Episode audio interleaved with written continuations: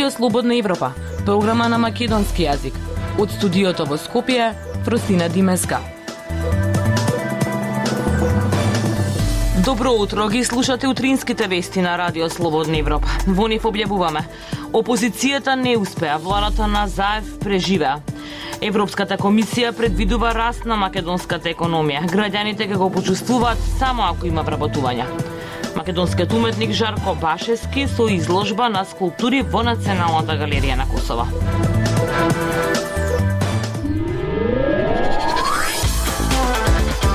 Независни вести и анализи за иднината на Македонија. На Радио Слободна Европа и слободнаевропа.мк.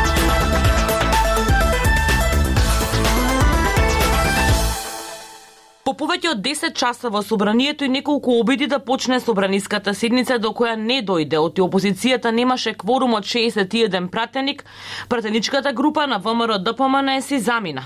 Пратеникот и подпредседател на партијата Александар Николовски рече дека вчерашниот ден ќе остане запишан на црната страница на македонската историја, затоа што се погазило демократијата со киднапирањето пратеник.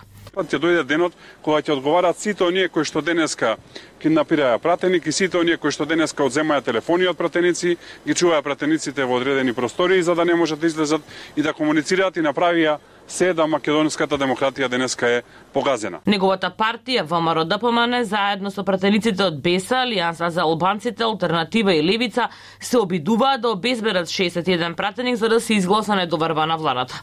На закажаната седница не дојде пратеникот од БЕСА Кастриот Реджепи, поради што опозицијата немаше кворум. Пратениците од водеачкото мнозинство беа пред салот и не влегоа внатре, па по неколку паузи од еден час на седницата со која раководеше заменик председателот Фадил Зендели од БЕСА, 그러니까 опозицијата замина од собранието. Собранискиот спикар Тала Джафериот како предпладнето ја отвори седницата да го препушти председавачкото место на Зандели за како пратеникот водачка да дури да не прави кворум. Од тогаш и почна обвинувањата дека пратеникот од БЕСА е киднапиран. Тој попладнето во видео објавено на неговиот профил на социјалната мрежа Facebook рече дека е здрав и добро, наведувајќи се гледаме наскоро. Јас сум на сигурно на вистинската страна, на страната на албанскиот народ и на страната на сите граѓани кои сакаат мир, стабилност и демократија. Јас сум со ЕУ и НАТО, а не со антиалбанците.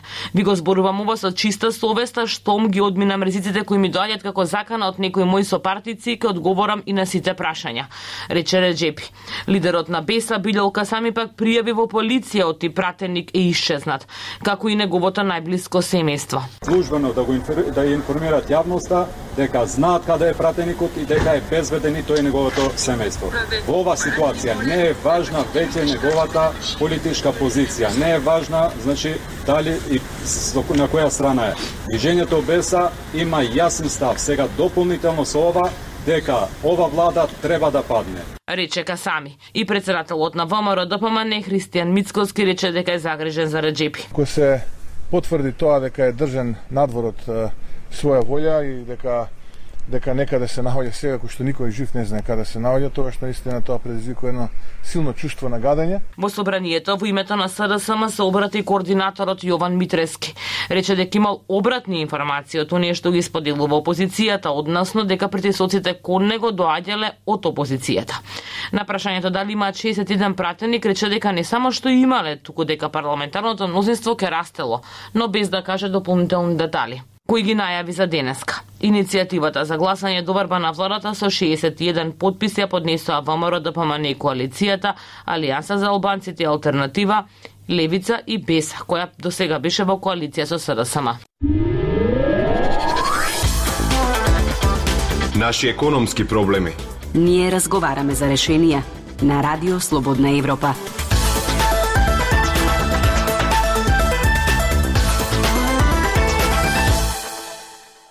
Европската комисија во есенската макроекономска прогноза да зимите членки на Унијата и државите кандидатки оценува дека македонската економија ќе забележи раст во следниве години, но ќе се зголемува и државниот долг и фискалниот дефицит.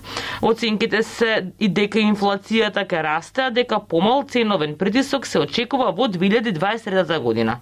Анализа на Владимир Калински. Позитивни прогнози за раст на македонската економија предвидува Европската комисија по рецесијата предизвикана од пандемиската 2020 година.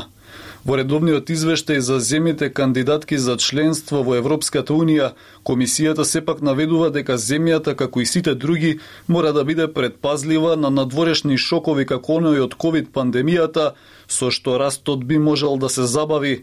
Два пати годишно Европската комисија прави макроекономски прогнози за земјите кои претендираат членство во Европската Унија, вклучително и Македонија. Во новиот есенски извештај оценато дека македонската економија прави добар напредок преку зајакнувањето на домашната и странска побарувачка, а дека се очекува постепено зацврстување на нагорната линија во текот на 2022 и 2023 година. So real GDP growth is projected to average Реалниот раст на бруто домашниот производ е проектиран на просек од 3,9% во периодот од 2021 до 2023 година, изјави денеска за новинарите Фрек Јан Маат, шеф на економскиот оддел во делегацијата на Европската Унија во Скопје. По-прецизно за оваа година, рече Јан Маат, се очекува раст на БДП од 4%, во следната 2022 3,9% и во 2023 раст од 3,7%. Но дали растот на економијата ќе значи подобар животен стандард за граѓаните, Во одговор за Радио Слободна Европа, Јан Маат рече дека за граѓаните да го почувствуваат растот, вистински предизвик ќе биде вработувањето, чие поттикнување треба да биде главен фактор кој може да придонесе кон подобрувањето на животниот стандард. Ако има структурни реформи, особено ако повеќе луѓе ќе можат да добијат вработување бидејќи ќе имаат подобри вештини, тоа мислам дека ќе ја донесе најзначајната разлика. Ако има економски раст, се очекува и платите постепено да растат, но тоа е повеќе е среднорочен ефект кој би го почувствувале граѓаните, рече Јан Маат. Вработувањето во земјава ќе расте со економското опоравување, оценува Европската комисија, но иако генерално бројот на вработени се зголемува, опаѓа нивото на млади вработени лица, се вели во извештајот на Европската комисија. Европската комисија предвидува побавно опоравување во јавните финансии од очекуваното, но наведува и дека финансирањето на владините планови и спроведувањето на антикризните мерки најверојатно ќе предизвикаат висок фискален дефицит. Инфлацијата постепено расте, се зголемуваат цените на енергијата и прехранбените производи, но Европската комисија очекува притисокот на цените да биде поумерен до 2023 година и тој да се намали. Јан Маат рече дека очекува и раст на долгот, односно тој да се движи околу 60% од БДП, Тој рече дека тоа е општиот долг на владата, но ако тука се вклучат јавните предпријатија кои имаат долг од околу 8%, тогаш целиот јавен долг е над 60%. Дайте ни 15 минути и ние ќе ви го дадеме светот. Слободна Европа.мк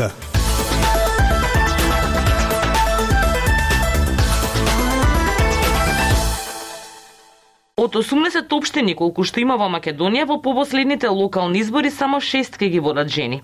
До сега пак Битола ја водеше градоначалничка. Наташа Петровска на овие избори не се кандидираше за нов мандат, а на изборите победи кандидатот на незиниот политички ревал во да МРДПМН, Тони Коњановски. За тоа како е да се биде жена раководителка на општина, повеќе од прилогот на Жанита Здравковска. Битола за прв пат во својата историја имаше жена за градоначалник во изминатите 4 години, Наташа Петровска, кадар на СДСМ, а сега за татко на градот доаѓа повторно маж Тони Коњановски од ВМРО ДПМНЕ. Градоначалничката на заминување запрашана дали е тешко жена да биде на ваква функција, одговори дека не е лесно ако си жена во држава која се уште се бори за родов баланс, но вреди ако извлечеме поука. Дефинитивно не е лесно, меѓутоа кога се нафаќате на ваква функција треба да го очекувате тоа ако претходно сте виделе докаде и дали воопшто постои созреаност во нашето општество за родов баланс. Бевме сведоци на многу ситуации во минатото, меѓутоа го преживеав тоа, го преживеавме и ние како град, како општество.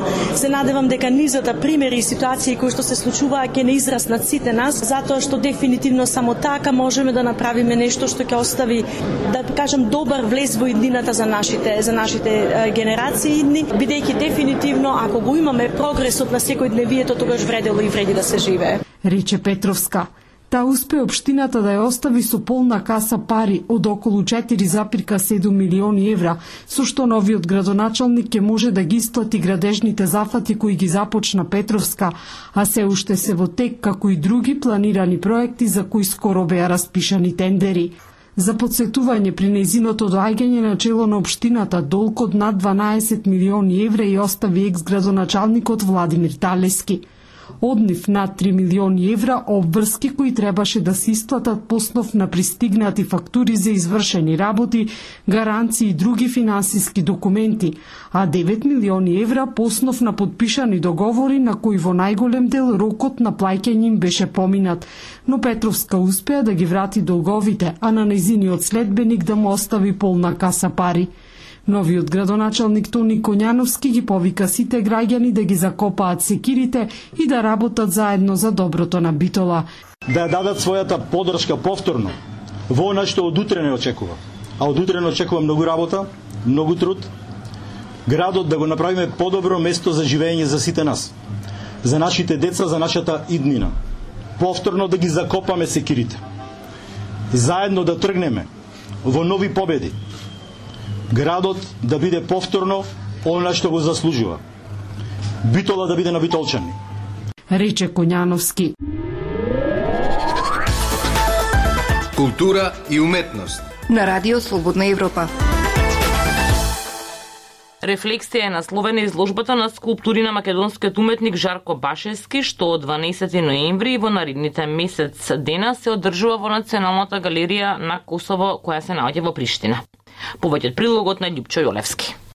Жарко Башевски доаѓа во Националната галерија на Косово со своите дела настанати во последниве две години. Проектите како што се безнадежност, отменост, одвој момент, самојадење, нуркање во минатото и издржување се хиперреалистички и концептуални дела замислени и тесно поврзани со животот и надвор од животот на човекот. Ова пресрет на предстојното отворање на изложбата рефлексија на македонскиот уметник Жарко Башевски во Националната галерија на Косово во Приштина ќе го напише тамошниот историчар на уметност и куратор Зени Балажи. Балажи појаснува дека во творештото на Башевскиот посебен интерес е човекот, па од тука, како што вели, произлегува неговиот интерес за хиперреализмот како концепт. Истакнува дека за реализација на делата македонскиот уметник користи посебни елементи кои од теоретски аспект се повеќе од хиперреалистични во однос на традиционалните скулптури. Тој е посебен уметник кој со своите дела предизвикува и упорно раскажува човечка и лична приказна од животен аспект. Приказна која припаѓа на еден човечки систем, констатира Зени Балажи важи.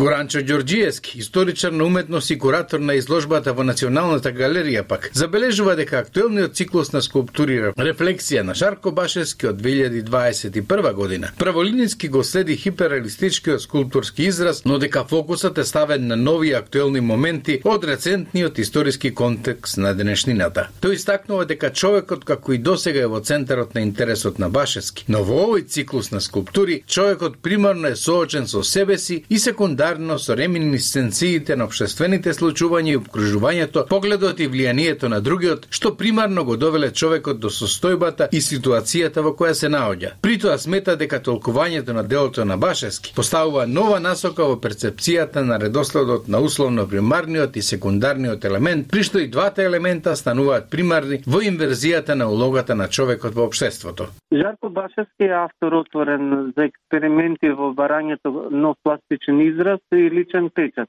Во провокацијата како за себе се, така и за другите, во своите експериментални бранувања, концизно инсистира да се раскаже на животна приказна во делови, да ја раскаже приказната за обичниот човек и од неа да постигне една нова и заокружена целина. Во тој склоп на околности делата повеќе сугерираат нивно исчитување отколку наблюдување. И на крај базично во делото на Башевски е да се изразат слободата на авторот во мисловниот превод на личното доживување на светот во кој живееме и неговото естетско визуелно оформување како чин на себеспознанијата. Вели Горанџо Ѓорѓиевски.